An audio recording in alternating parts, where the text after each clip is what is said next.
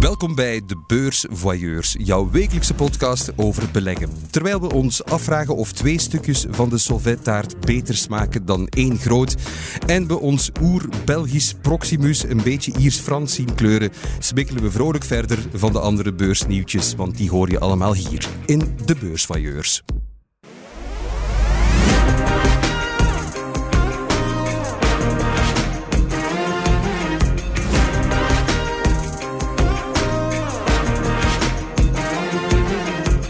Hoewel de dagen buiten alsmaar kouder en donkerder worden, ben ik toch maar in het enorm zonnige gezelschap van Ellen Vermorgen van de Tijd en Frank de Mol van de Belegger. Welkom allebei. Dag Thomas. En een heel bijzondere gast uiteraard ook vandaag. Van het hockeyveld naar het voetbalveld. Zo kunnen we toch ja, heel kort door het bochtje de twee grote passies van onze gast van vandaag beschrijven. Ex-Olympier en CEO van de Belgische Voetbalbond. Welkom Manu Leroy. Dankjewel Thomas. Beste Manu, ik ben heel, eh, heel fijn dat je er bent. Ik ben heel blij dat je tijd kon vrijmaken voor ons. Hoe gaat het met jou? Prima. Ik ben ook heel benieuwd, want de meeste jongens die beginnen in een voetbalgoal. Jij bent meteen voor de hockeygoal gegaan. ja, ik heb uh, het uh, Pour la Petite Histoire uh, deelgenomen aan een sportkamp toen ik zes jaar was. Maar het voetbal had ik verloren en ik kon niet tegen mijn verlies. En het hockey had ik gewonnen. En dus door een kleine speling van het lot ben ik, ja, ben ik beginnen hockeyen, terwijl mijn ouders helemaal niks met hockey hebben eigenlijk. Dat is wel bijzonder als je daarbij stilstaat. Voor hetzelfde geld was het, had, je, had je los in de goal geschot of, of de bal eruit gehouden bij het voetbal en was het, was het een voetbalcarrière geweest. Ja, stond ik nu nog wel bij de Rode Duivels. Ja? Ja, ik denk het niet. maar goed, ja, je hebt wel op hoog niveau gespeeld. Tot de Olympische Spelen met de Red Lions uh, toe ja. in Londen. 2012 was dat. Dat moet een fantastische ervaring geweest zijn. Ja, op het moment dat je daar uh, bent, besef je dat nog niet helemaal, maar het is eerder achteraf. Uh, ja, dat was een waanzinnige ervaring, dat van binnenuit kunnen meemaken. En de bijzonderheid van de Olympische Spelen is dat het eigenlijk een gigantisch atletendorp is, waar alle atleten samenkomen. En um, waar ik vroeger, als, uh, ik kan niet tegen mijn verlies, dat, hè, we zeggen soms is dat deelnemen belangrijker is dan winnen. Vond ik natuurlijk flauwe zever. maar door het daar van binnenuit meegemaakt te hebben, is dat echt wel de Olympische spirit. Want er zijn badmintonners van uh, Taipei die er in de eerste ronde uit liggen, maar die ook hebben zich geplaatst, uh, gecompete om daar te zijn. En dus om die spirit van binnenuit mee te maken. En met al die verschillende sporters van al die verschillende disciplines en al die verschillende landen daar samen te komen, dat is echt wel een bijzondere ervaring. Dat zal wel. Ja. En veel contacten gelegd daar ook? Want het is, ja, je, je, komt met de hele wereld in contact. Allemaal gepassioneerde mensen, allemaal met die sport bezig. Uh, bijzonder weinig wel natuurlijk. Het, uh, het voordeel als uh, het hockeytoernooi duurde eigenlijk de volledige duur van de Olympische Spelen. Er zijn atleten die dag één judo bij wijze van spreken. En het is al gedaan. Ja. Eerste ronde eruit en dat is ja. gedaan. En dan moeten ze dag erna naar huis gaan. Dus wij hebben eigenlijk de volledige spelen geweest van de openingsceremonie. Dat was ook waanzinnig om dat mee te maken. Het Olympisch Stadion binnenlopen met uh, Tia Hellebout die de, de vlag uh, droeg. Met voor ons Belize en achter ons Belarus of omgekeerd. Dus in, in een soort uh, alfabetische volgorde. Ja. En dan die gigantische show daar meemaken van, uh, van dichtbij. En dan de sluitingsceremonie meemaken en dan naar huis gaan. Dus we hebben eigenlijk het van begin tot einde echt de Olympic Experience gehad. Ja. Nu, je mag dat nu wel eerlijk beantwoorden. Als goalie voor een hockeyteam, dan ben je zot hè, om in die goal te gaan staan. Tempo uh, waaraan die ballen op jou afkomen, dat is ook pas, hard. Ja, dat is eigenlijk ook pas achteraf gekomen, dat besef gelukkig. Uh, door, uh, door ook eens een uh, paar hockeytrainingen met een GoPro op mijn helm te, te, te, spelen. Ja. En dan die beelden achteraf te bekijken en dan pas te beseffen van, pff, amai, die ballen komen echt wel hard. Maar ja, staat daar niet meer bij stil, dat is zodanig erin gedrild. Maar ik moet wel zeggen, toen ik, ik heb tot mijn 34ste op het hoogste niveau gespeeld, op het einde, op den duur, die, al die trainingen, waar je uiteindelijk als uh, doelman het eindstation bent van een oefening waar er op goal geschoten wordt. Ja. Om dan elke keer ja, honderden en honderden en honderden ballen per week uh, naar je afgevuurd te krijgen. Ik had ook wel wat gehad, moet ik zeggen. Ah, je, je pakte het persoonlijk op den duur, hè? ja, ik had, een, ik had bijvoorbeeld een bloedhekel als er spelers waren die van te dicht schoten. En dan Ah, ook nog eens, ja, je bent wel beschermd, maar het kan echt wel pijn doen. Ja. Dan sloeg ik ook af en toe eens een bal terug naar een speler. Ah, ja. Over de sfeer, dat is Ja. mooi. Eh, je zei ooit dat jouw echt kinderjongensdroom uh, voetbalcommentator worden was. Ja, inderdaad. Is dat nog een hangend plan? Nee, nee, nee. Ik heb uiteindelijk uh, beseft dat, ik, uh, dat mijn passie misschien nog veel meer ligt in de, de businesskant van de sportwereld. Want ik heb het als atleet de binnenkant meegemaakt. Maar de voorbije 15 jaar eigenlijk de, de, de sport-businesskant meegemaakt. En dat boeit mij misschien nog meer. Waar, waar, heb je zo al gezeten de afgelopen tijd? Wel, ik heb eigenlijk vooral in, in, in sportcontext gezeten bij, bij Telnet. Uh, ja. Ik dan verantwoordelijk was voor, uiteindelijk voor Play Sports en de sportstrategie. Um, en dan En zo. Ja, inderdaad. Dus het is echt uh, negotiatie over de Jupiler Pro League rechten of de Premier League rechten, uh, de productie in de studio, uh, kanalen runnen, abonnementen binnenhalen, dat soort dingen. Dat was mijn habitat bij Telenet. En nu bij de Voetbalbond was ik ook voorbij vijf jaar ook verantwoordelijk voor het geld binnen te halen voor een stuk. Maar tegelijkertijd was ik als marketingdirecteur ook uh, communicatie, zat ook bij mij. Dus kon het ook meteen weer uitgeven aan campagnes. Dat was ook wel fijn om de beide rollen te kunnen hebben. Oh, fijn, ja. ja. En, en, en jetset feestjes, hè? Ik hoor altijd dat dat, met, dat heel ranzige feestjes zijn. Nee, dat heb ik nog niet vaak meegemaakt. Nee, echt niet? Nee, Daar geloof ik echt niets van. en die rechtenhouders, die, dat is allemaal netwerking. Ah, ja, ja, ja, toch wel, toch wel. Ja, sorry, je hebt gelijk. Ik, uh, ik dacht dat je bij de voetbalbom bedoelde. Maar nee, nee. Ja. Als je natuurlijk als uh, koper van rechten bij, ja, dat zeg maar zeggen, zeer lucratieve deals maakt voor de de, degene die ze verkoopt, dan staan er ook altijd wel leuke feestjes tegenover. Inderdaad, daar ben ik af en toe eens gespot geweest, denk ik. Ja, en mogen daar iets van weten van al die... Eh, want het, het is gewoon puur persoonlijk, dat we dat uit hoor. Wel, het, het, het verhaal dat ik, uh, ik wil eens vertellen aan vrienden is dat um, um, de, een van de eerste keren dat ik um, naar de fameuze Sportelbeurs in uh, Monaco ging. Dat is de tegenhanger van MIPCOM. Dat is de entertainmentbeurs waar de grote studios naartoe gaan. En in Monaco zitten alle sportrechtenhouders komen daar naartoe. En dat is de eerste keer dat ik er naartoe ging, dus ik kende er eigenlijk niet veel van. En ik was via iemand op een van die feestjes gekomen van het Italiaanse MP en Silva Intussen zijn die uh, gekocht geweest door Chinezen en failliet gegaan. Dus die bestaan niet meer. Maar toen waren dat zo de, de golden boys van uh, de sportrechtenwereld. Hè. Die verkochten de Italiaanse competitie wereldwijd. Die hakten, hakten daar heel wat geld voor binnen. En die hadden ook een modellenagency. En dus uh, ik zat op dat feestje waar effectief ook doosjes met foie champagne en alles was er. En dus effectief om 12 uur plots komt ergens een bus toe en dan komt er zo pff, een lading van weet ik veel 80 modellen die binnenkomen dat was wel heel speciaal, vooral omdat die ook uh, heel verveeld we onder elkaar gingen praten op hun huwelijk zaten te kijken. Dus het was niet zo glamoureus als we gedacht hadden. Ja. En het jaar daarna zijn ze daar wel nog boven kunnen gaan. Uh, dat was het jaar, denk ik, dat ze de Belgische voetbalrechten hebben toen binnengehaald als agency. Uh, en toen, toen zijn ze wel wat overgegaan, want toen hebben ze het feestje gehouden op de jacht in de haven van Monaco. In de jacht van een van de eigenaars van MPN Silva. Maar toen kwam er ook al wat commentaar op van oké, okay, dus ik heb dat stuurwiel hier betaald en ik heb het interieur van, van heel het... ah, nee, nee, nee, nee ja. ja, dat was niet zo slim, want dan, uh, dan had je eigenlijk wel door van oké, misschien toch een beetje te veel betaald voor al die rechten. Maar uh, dat waren inderdaad uh, de, de gouden tijden, zal ik maar zeggen. Ja. Oh my. En daarna ben je bij de voetbalbond beland. welk bijzonder moment zal je daar altijd voor altijd bij blijven? Ehm, een van de mooiste momenten was denk ik de, de, de Nations League Final Four. Uh, moet in 2020 geweest zijn. Toen ja, de Rode Duivels zich geplaatst hadden voor het, laten we zeggen, de halve finale is dat dan. En dat was in Italië. En dan spelen we tegen Frankrijk. En de eerste helft spelen we die van de mat 2-0 voor. En we hebben altijd denken van oké, okay, overmorgen de finale. Dus dat was een heel mooi moment. En dan kwam die tweede helft en verliezen we uiteindelijk met 3-2. Uh, zeer pijnlijk om daar in de laatste minuut scoren nog de 3-3. Maar dan stond Romelu Lukaku blijkbaar een halve team buitenspel. Dus dat was uiteindelijk een heel mooi moment, maar tegelijk ook een, een beetje een ontgoocheling toch wel. Nee, ja. Oké, okay, over beleggen dan. Ja. Is dat altijd een passie van jou geweest? Hoe is die interesse ontstaan? Uh, beleggen niet als such. Ik ben altijd wel geïnteresseerd in, uh, in businessmodellen, in de economie, van hoe dingen uh, werken. vandaar dat ik zelf ook een hele grote fan ben van de tijd. Het is niet dat je mij uitgenodigd hebt, ik dat zeg, maar ik lees de krant elk weekend met heel veel aandacht. In de week is het eerder digitaal, een beetje swipen. Maar dus ik volg echt wel, ik volg het allemaal wel. Het beleggen als such heb ik weinig aanleg voor, zal ik maar zeggen. Tot nu toe is mijn beursparcours een relatieve ontgoocheling geweest, tot nu toe. Maar dus ik ben er ook niet actief genoeg mee bezig. Ik, uh, ik ben niet echt iemand die gaat uh, aandelen hoppen en shoppen. Um, dus ik, ik probeer wel te diversifiëren, maar pure aandelen, zal ik maar zeggen, ben ik alleszins geen groot kenner. Maar je hebt wel een, een, gezonde interesse voor het financiële. Absoluut. Waar, waar is de kiem daarvan ontstaan? Um, Van thuis uit meegekregen? Of Mijn ouders waren beide uh, uh, in het onderwijs, dus daar zal het niet van gekomen zijn. Maar uh, nee, denk je, door in de sport als atleet bezig te zijn en dan de, business, de businesskant van de sport proberen te doorgronden. En zo dan eigenlijk proberen daar wat meer informatie over te winnen. En dan eigenlijk ja, zo doorstromen naar de, de bredere bedrijfswereld en kijken hoe dat verschillende modellen kunnen werken. Van een, een kleine KMO tot een groot beursgenoteerd bedrijf bedrijf en welke dynamieken dat daar, dat daar werken. En dan zelf ook bij Tenet gewerkt hebbende, wat natuurlijk een, een beursgenoteerd bedrijf was. Mhm. en dan ook die dynamiek mee te maken van die kwartaalresultaten die moeten opgeleverd worden. als we beloofden dat we x procent groei zouden halen van EBITDA, dan moest dat ook zo gehaald worden. Dus noods, ik mag het nu wel zeggen met de trucken van de voor uiteraard, dat zal elk beursgenoteerd bedrijf ook wel doen.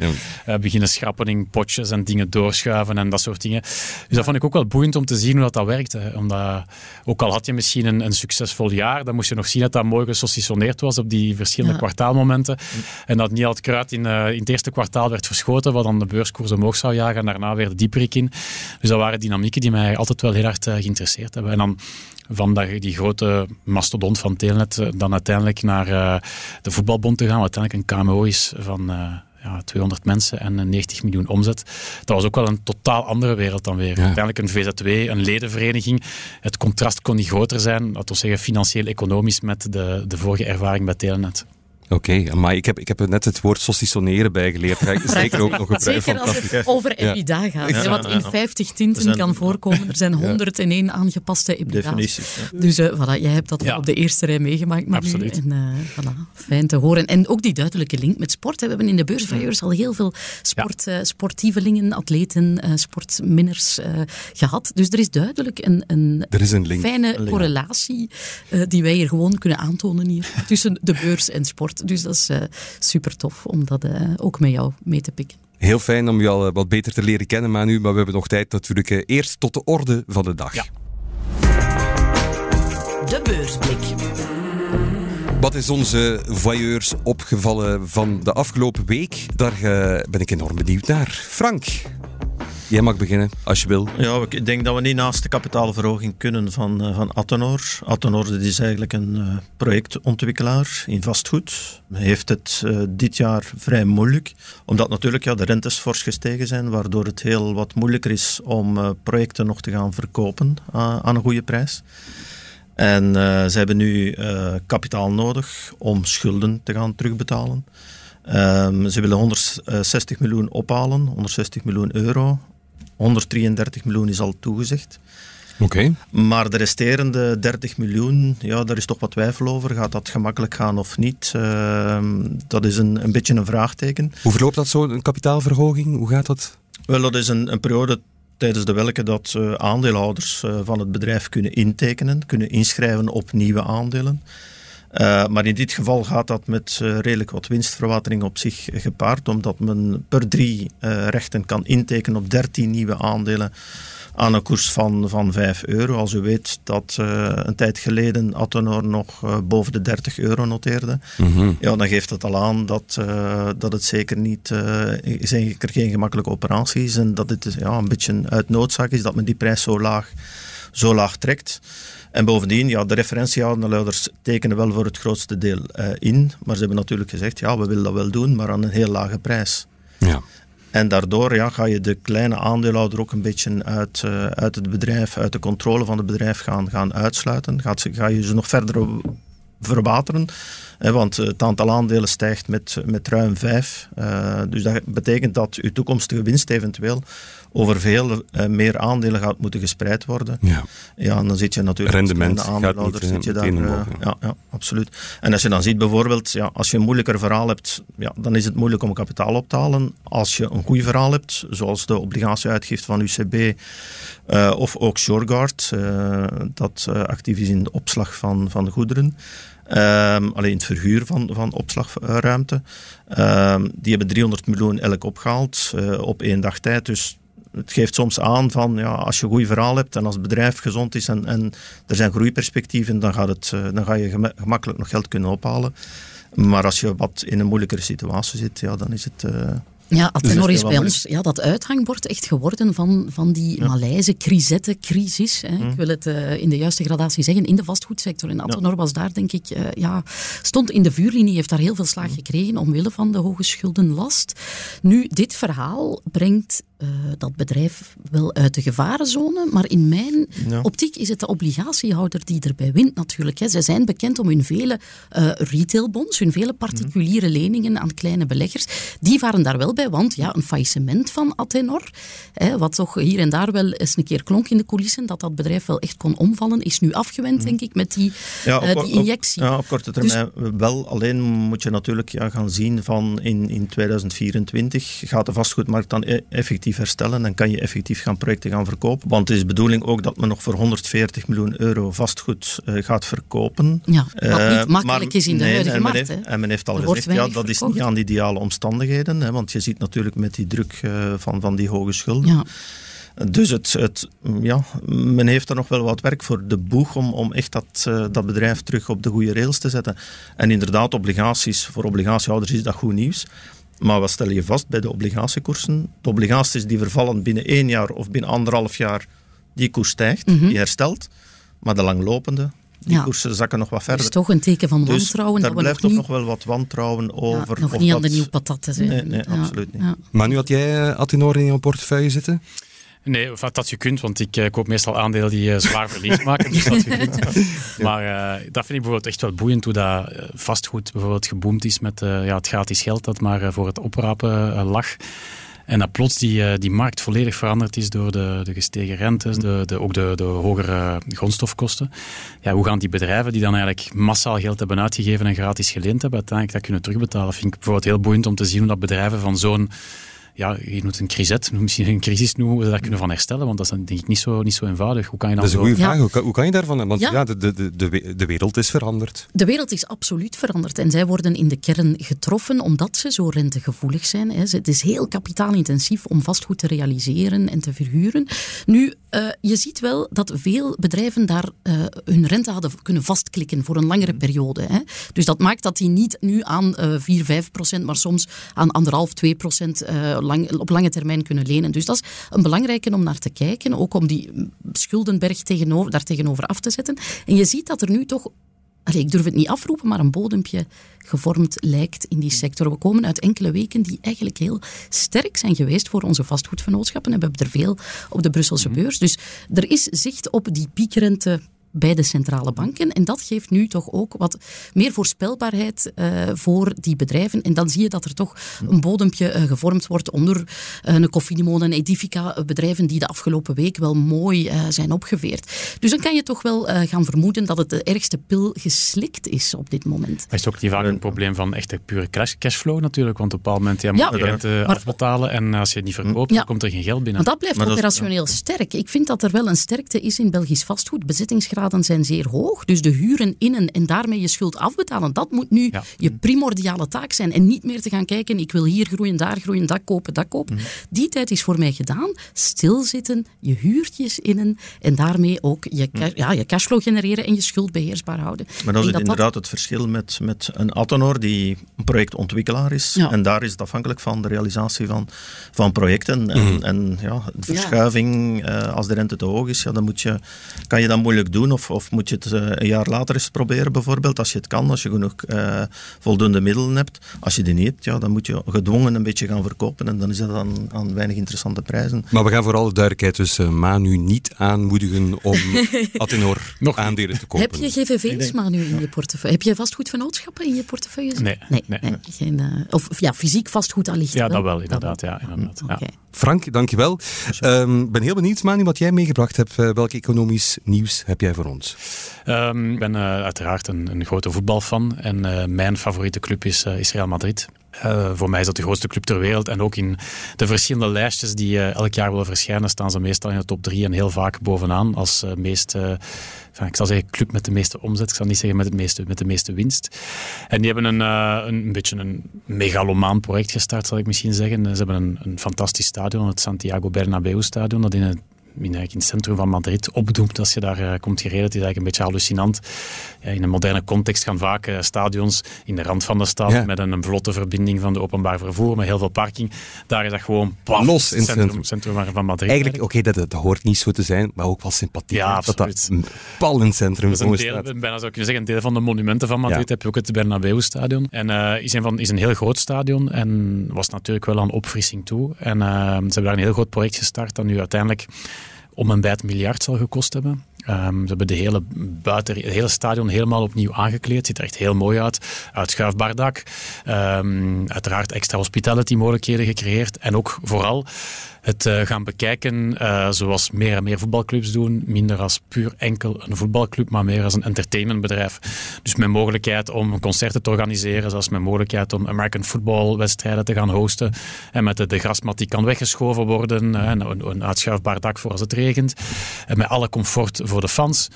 En natuurlijk is dat, uh, een, uh, is dat, uh, kost dat natuurlijk heel veel geld. Maar aan de andere kant ja, kan natuurlijk gigantisch veel geld opbrengen. Voor, de, voor de meeste voetbalclubs is natuurlijk zijn hun, hun sponsorship en stadioninkomsten een van de belangrijkste bronnen voor operationeel, zal ik maar zeggen, geld binnen te krijgen. Ze spelen ongeveer elke week wel een thuiswedstrijd. Het zij Europees, het zij in de, in de competitie.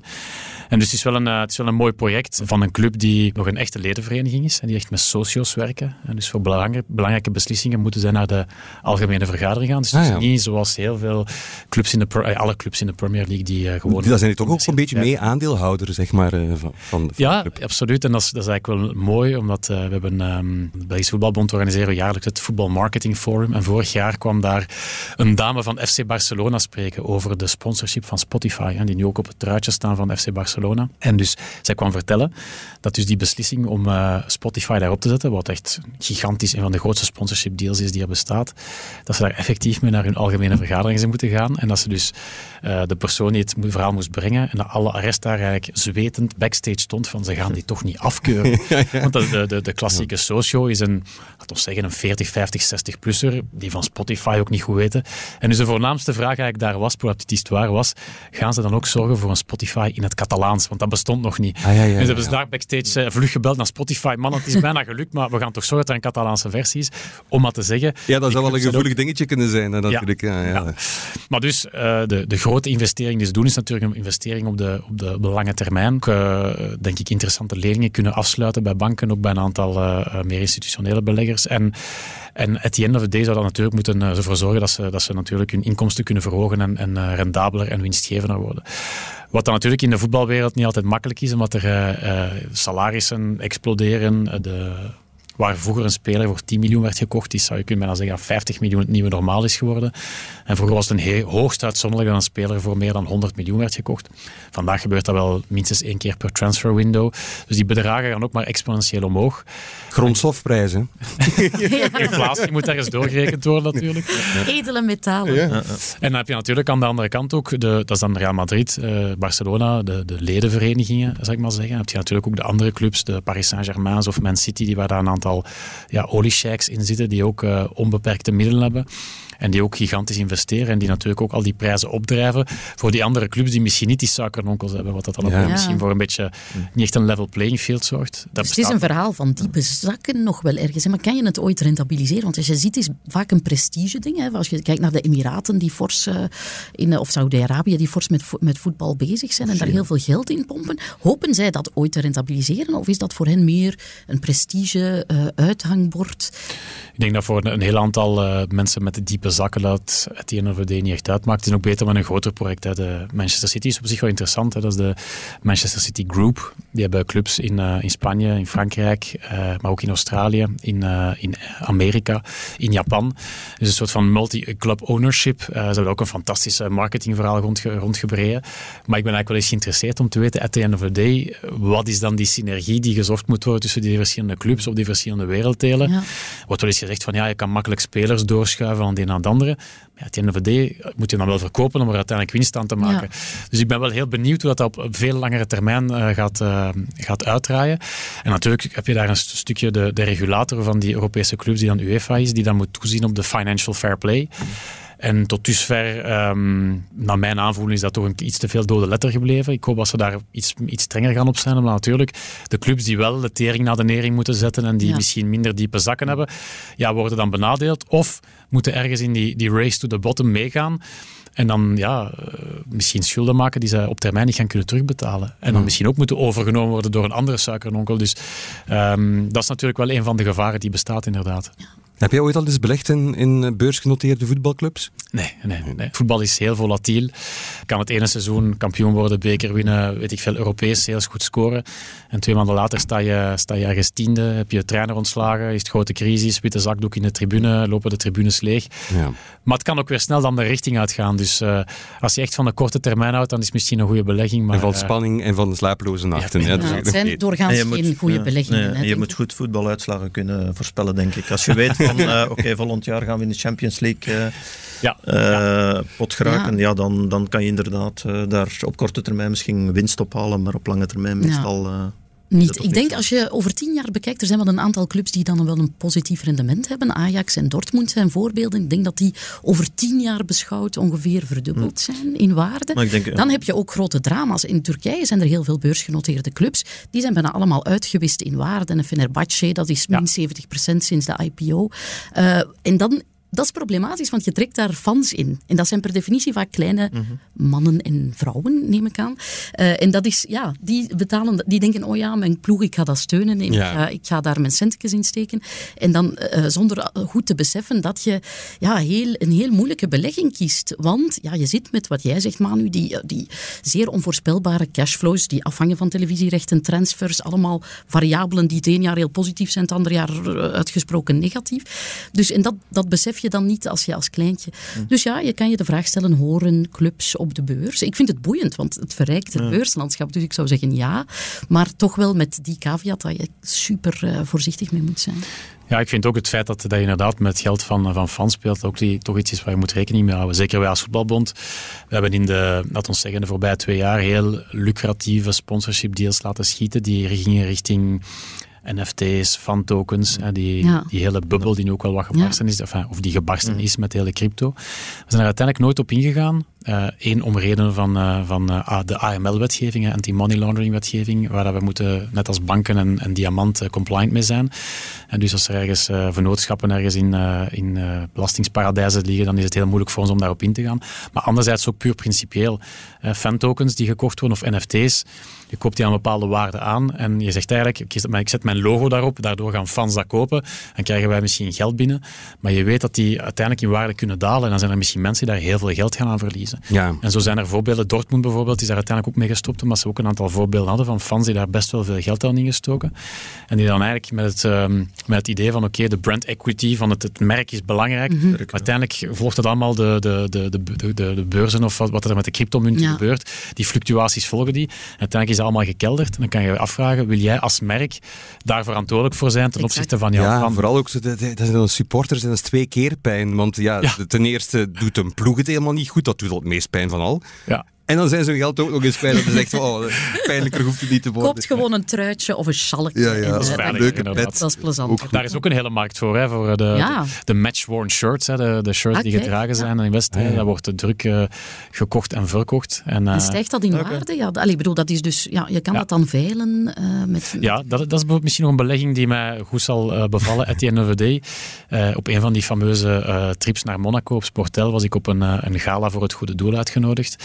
En van die iPads en je kon eh, deelnemen aan van die, een auction.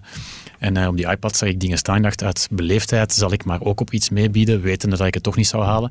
En daar stond eigenlijk als allerlaatste een uh, shirt van Zinedine Zidane. Mm -hmm. Gekend, een grote Franse voetballer, een van de, de grootste aller tijden. Het shirt, uh, een shirt ehm, van het WK 98, in, geframed en getekend door Zidane. Ik dacht, oké, het is mijn kans. Het ging over 500 euro. Ik dacht, ja, ik ga het toch nooit hebben. En dus op het einde van de avond, en de winnaars zijn Manu Leroy, het shirt van van, oh crap, hoe ik dat thuis uitleggen? Dat ik mijn visakaart een shirt van 500 euro heb gekocht.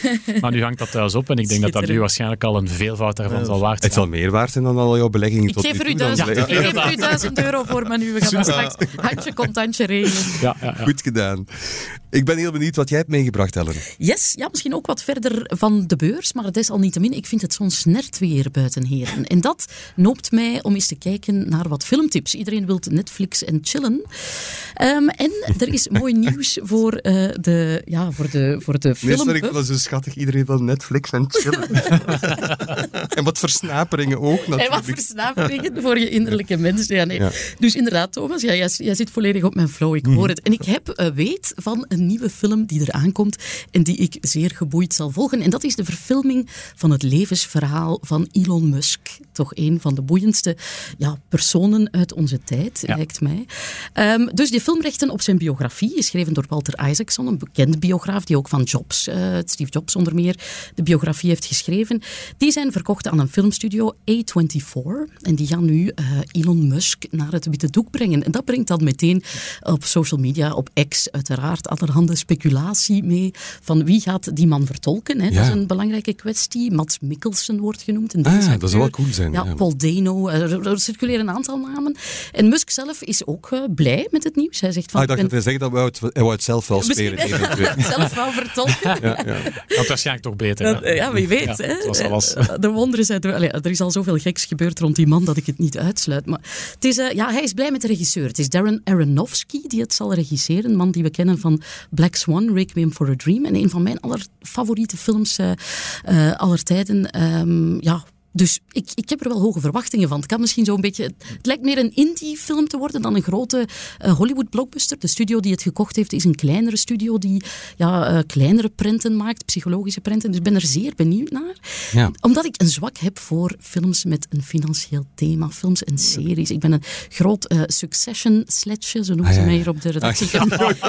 ja, ja, dat is dus echt waar. Ik heb zo een kop van Waystar Royco, waar ik dan mijn koffie ga halen in dat machine. Dan zien ze, ah, daar is die ja, voilà. Dus uh, een beetje over het roularta van de Verenigde Staten. Hè, een soort uh, erfopvolging van een mediabedrijf. Ja. En uh, van financiële films in het algemeen, ik kan daar enorm van genieten. heb je al, al, behalve genieten, heb je daar ook al eens iets van opgestoken wat je kon toepassen en waar je dan, dan winsten mee hebt? Uh, ja, waar ik dan winsten mee heb uh, of, of, toch plezier aan beleefd, laten we het zo uh, Ja, plezier dat allermeest... Ik zal, ik zal proberen nadenken of ik ook een return opgehaald heb.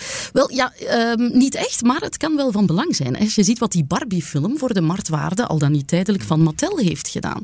Of een film als Dark Waters, een, een, een epos over grondvervuiling bij een chemiegroep, hè, Dupont. Ja, dat heeft ook wel wat van die beurswaarde afgehaald dan.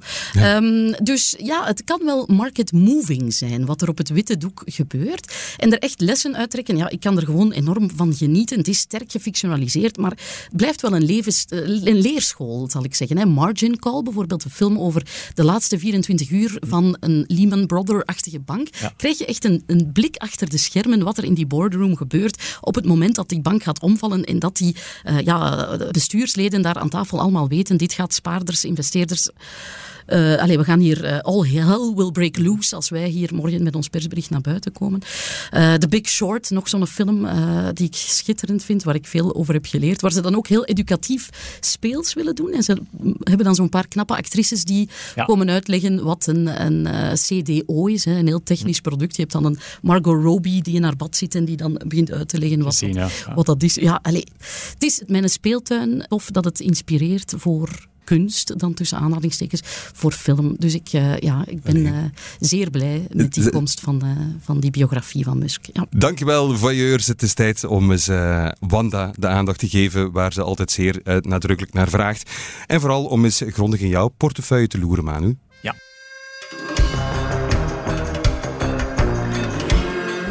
Show me the money. Heb je al eens van Wanda gehoord, Manu? Ja, in deze podcast. Ah ja, oké. Ja. Dus uh, je weet dat er zitten twintig vragen in haar verstopt. Aan de hand van een cijfertje kan je er een oproepen. En uh, voilà. Ze kunnen soms wat vrijpostig zijn, maar dat is nu eenmaal... Uh, ja, we kunnen er ook niet aan doen. Dat is een vragencomputer van de tijd. Dus okay. we hebben er eigenlijk absoluut niks mee te maken. Wil je eens proberen? Ja, prima. Een eerste cijfertje? Zeven. Op welk verkocht aandeel heb je het meeste verlies gemaakt? Ja, pick one out, denk ik. Hè? Dus... Als je in het, kerkhof gaan kijken wat er nog allemaal ligt. um... Het antwoord op uh, die vraag horen we meteen na dit. Manu Leroy, ex-Olympier en CEO van de Belgische Voetbalbond, is hier te gast bij ons vandaag. En we zijn bij Wanda beland. De eerste vraag van Wanda was: op welk verkocht aandeel heb je het meeste verlies gemaakt? Um, er zijn er twee die, uh, waar ik veel verlies heb opgemaakt. Dat is, uh, de, zoals hele, veel goede huisvaders in de jaren 80, 90, de Arcopar aandelen. En mijn ouders die in het onderwijs zaten en braaf hadden gespaard bij de Bakop, uh, de BAC en dan uiteindelijk wat Texia is geworden.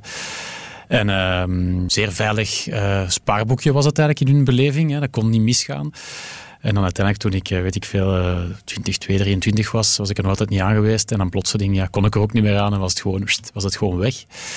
Um, en dan tweede is, uh, toen ik bij, bij werkte, dan waren er van die uh, programma's waar je aandelen kon inkopen aan, aan een zekere korting. Um, en ik heb toen gekocht toen het aandeel nog niet super hoog stond. Um, ergens rond de, rond moet het geweest zijn, rond de 30 denk ik. En het aandeel heeft gepiekt een paar jaar later richting 55. En er was toen ook de, de analistenconsensus dat het richting 60 en 65 zou gaan. En dan natuurlijk uh, is het uh, gekelderd en blijven kelderen. En dan ja, op een bepaald moment denk je van het zal wel weer beter gaan zeker. En uh, niet verkocht. En dan uiteindelijk ja, stond het aandeel op een bepaald moment maar op 12, 13, 14, 15. En nu uiteindelijk is het uitkoopbod geweest van, van Liberty Global om het net van de beurs te halen. En dat was dan denk ik rond 1 of 22 euro. Dus ja, I took my loss. Ja. Maar ik had er al niet meer op gerekend. Dus ik beschouw het ergens als geld waar ik niet op gerekend had dat ik plots kreeg. Dus ergens winst. Ja. En je had wel... ja. Positief. Ja, inderdaad. Positief. nee, nee, maar dat is waar. En je hebt de dividenden ook al die jaren uh, natuurlijk. Ja, uh, ja inderdaad. Maar in totaal is het een uh, verlies. Is het een verliesoperatie? Ja, ja, ja. Kan niet altijd prijzen natuurlijk. Hè. Nee. Nog een vraagje, nog een cijfertje? Zeker. Wat kies je? 17. Wat was jouw beurs-aha-moment? Wellicht moet dat het uh, 2008 geweest zijn, uh, toen de, ja, de, de grote bankencrisis, uh, ja, toen eens plots de banken waar je naar verwees, Lehman Brothers, begonnen om te vallen. En dat we ook in, in België plots ook in een gigantische crisis zaten met Fortis, Dexia. En dat was zo'n aha-moment van, uh, net als bij Arcopar, van oeh, dat kan toch niet? Dat was net hetzelfde. Oeh, dat, dat kan toch niet? Banken zijn zo'n robuuste organisaties met zoveel cash en zoveel geld. Om dan te moeten, uh, als je er begint in te verdiepen, te kijken dat ze in allerlei rommelproducten ook zitten. En dat dat niet gewoon is, ik breng mijn geld naar het spaarboekje en dat brengt dan gewoon op een magische manier geld op. Wat er ook allerlei modellen achter zitten. Dat was wel een aha-momentje voor mij, ja. En heeft, heeft je dan echt grondig ontnuchterd? Want het was de tweede keer al tegen dan. Uh, ja, ik denk, dat was dan ook de verhalen van die... Um, een IJslandse bank waar dat veel mensen geld hadden op staan, die dan ook is omgevallen.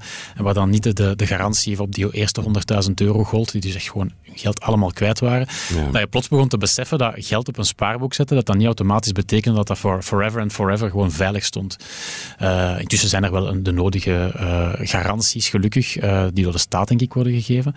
Maar dat is denk ik wel voor veel mensen toch een ontnuchtering geweest. En je kan maar beter veilig zitten bij, een, bij een, een van de grootbanken. Maar tegelijkertijd zag je dat dan Fortis en Dexia plots in zwaar weer kwamen ja. te zitten en misschien hadden kunnen ja. omvallen.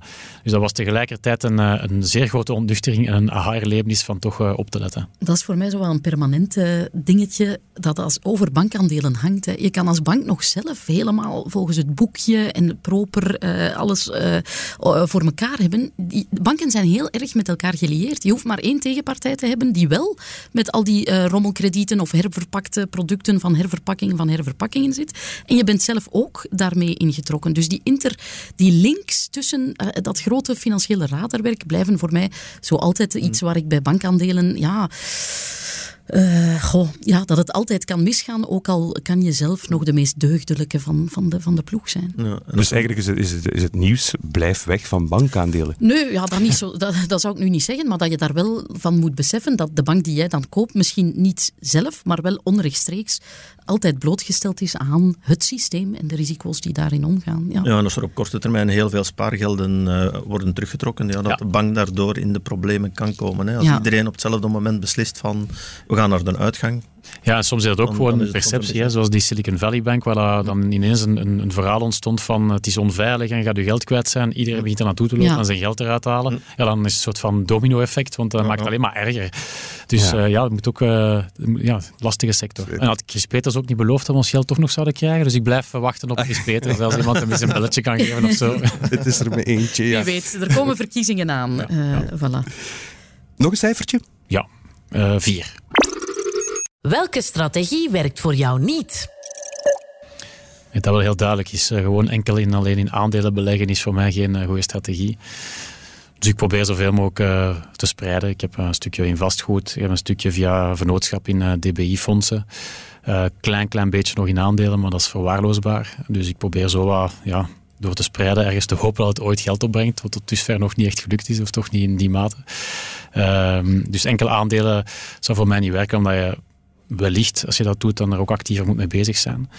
Maar ik zal dus eens uh, meedoen aan de fameuze, weet je, die beurs. De beurs, Absoluut. Ja, ja, dat is een aanrader. En daar eens uh, kijken of ik met uh, eh, 10.000 virtuele euro's toch winst kan maken. Dus daar ben ik heel benieuwd naar, door misschien wat actiever mee bezig te zijn. En wat ik dan in de krant lees ook om te zetten in bepaalde um, investeringen.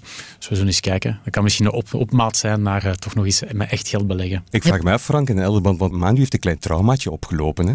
Aan aandelenbeleggingen. Ja, is dat terecht dat hij zegt van ik er, voor mij hoeft dat eigenlijk gewoon niet? Nee, dat is, dat is meestal de reactie. Natuurlijk, ja, zoals je zegt, je, je moet er tijd voor hebben. Hè. Je moet het een beetje kunnen opvolgen als je dat niet. En je moet geïnteresseerd zijn in, in de bedrijven, weten wat dat ze doen. Uh, en, en ook eens in het jaar, eh, jaarverslag gaan neuzen. Als je die tijd niet hebt, ja, doe het dan gewoon via, via fondsen of trekkers. Maar, maar als je echt uh, een beetje geïnteresseerd bent in wat bedrijven doen, dan is het zeker interessant om dat eens op te volgen. En de beursrally is inderdaad daar een goed instrument voor om, om toch eens eh, te leren hoe dat het, uh, hoe dat het eraan toe gaat. Uiteraard is dat niet de echte werkelijkheid. Uiteraard.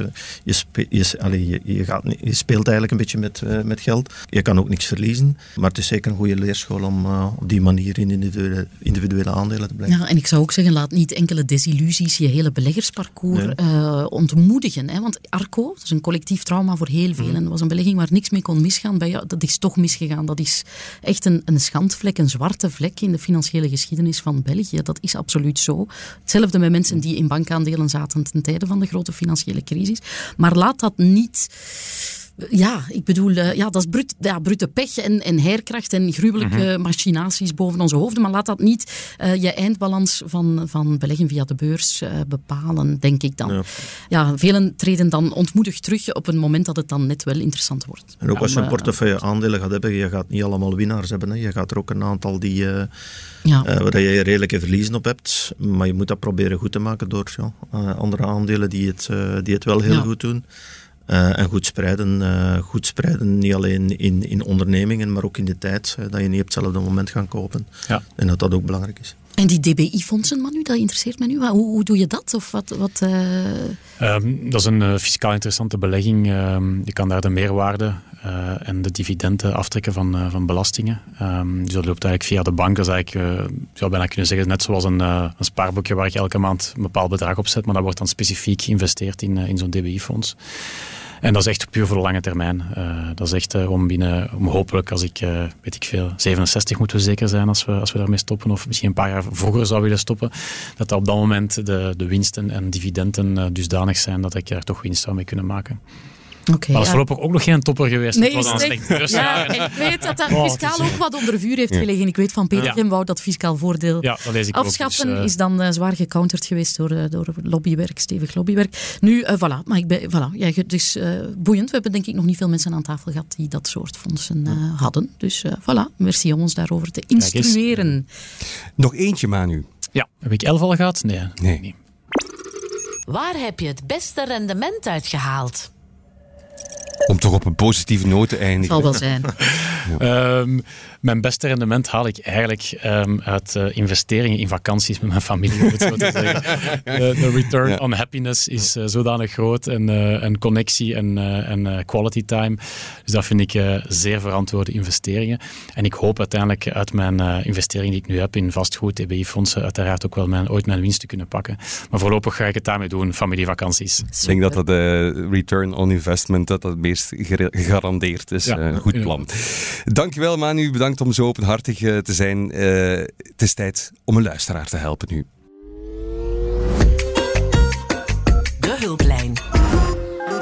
Als u met een vraag zit en u gaat die opkroppen, dan zou dat mij doodongelukkig maken, want je kan ze even goed gewoon stellen en dan krijg je meteen een antwoord van mensen met zeer grote expertise ter zake, namelijk de beursvoyeurs. Dus dat komt...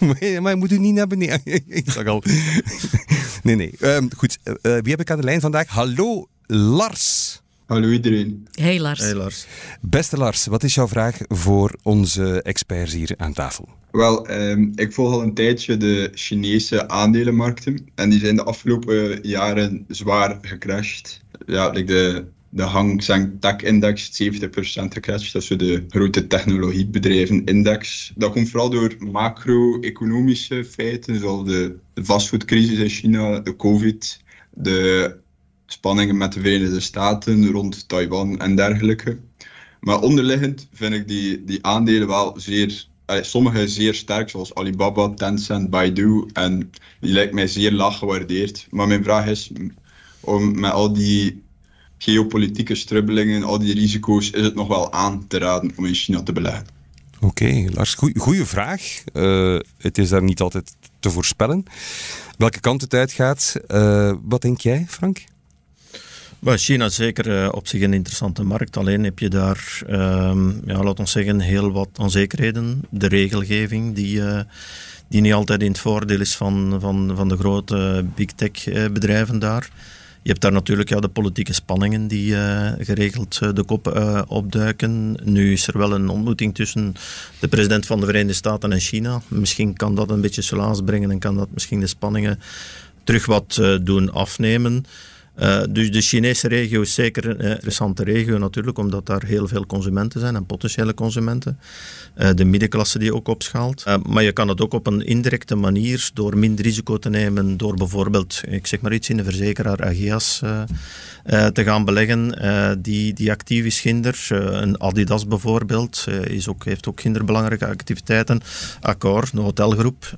dus je hebt een aantal mogelijkheden uh, om ook uitstaan te hebben in China, maar met veel minder risico's.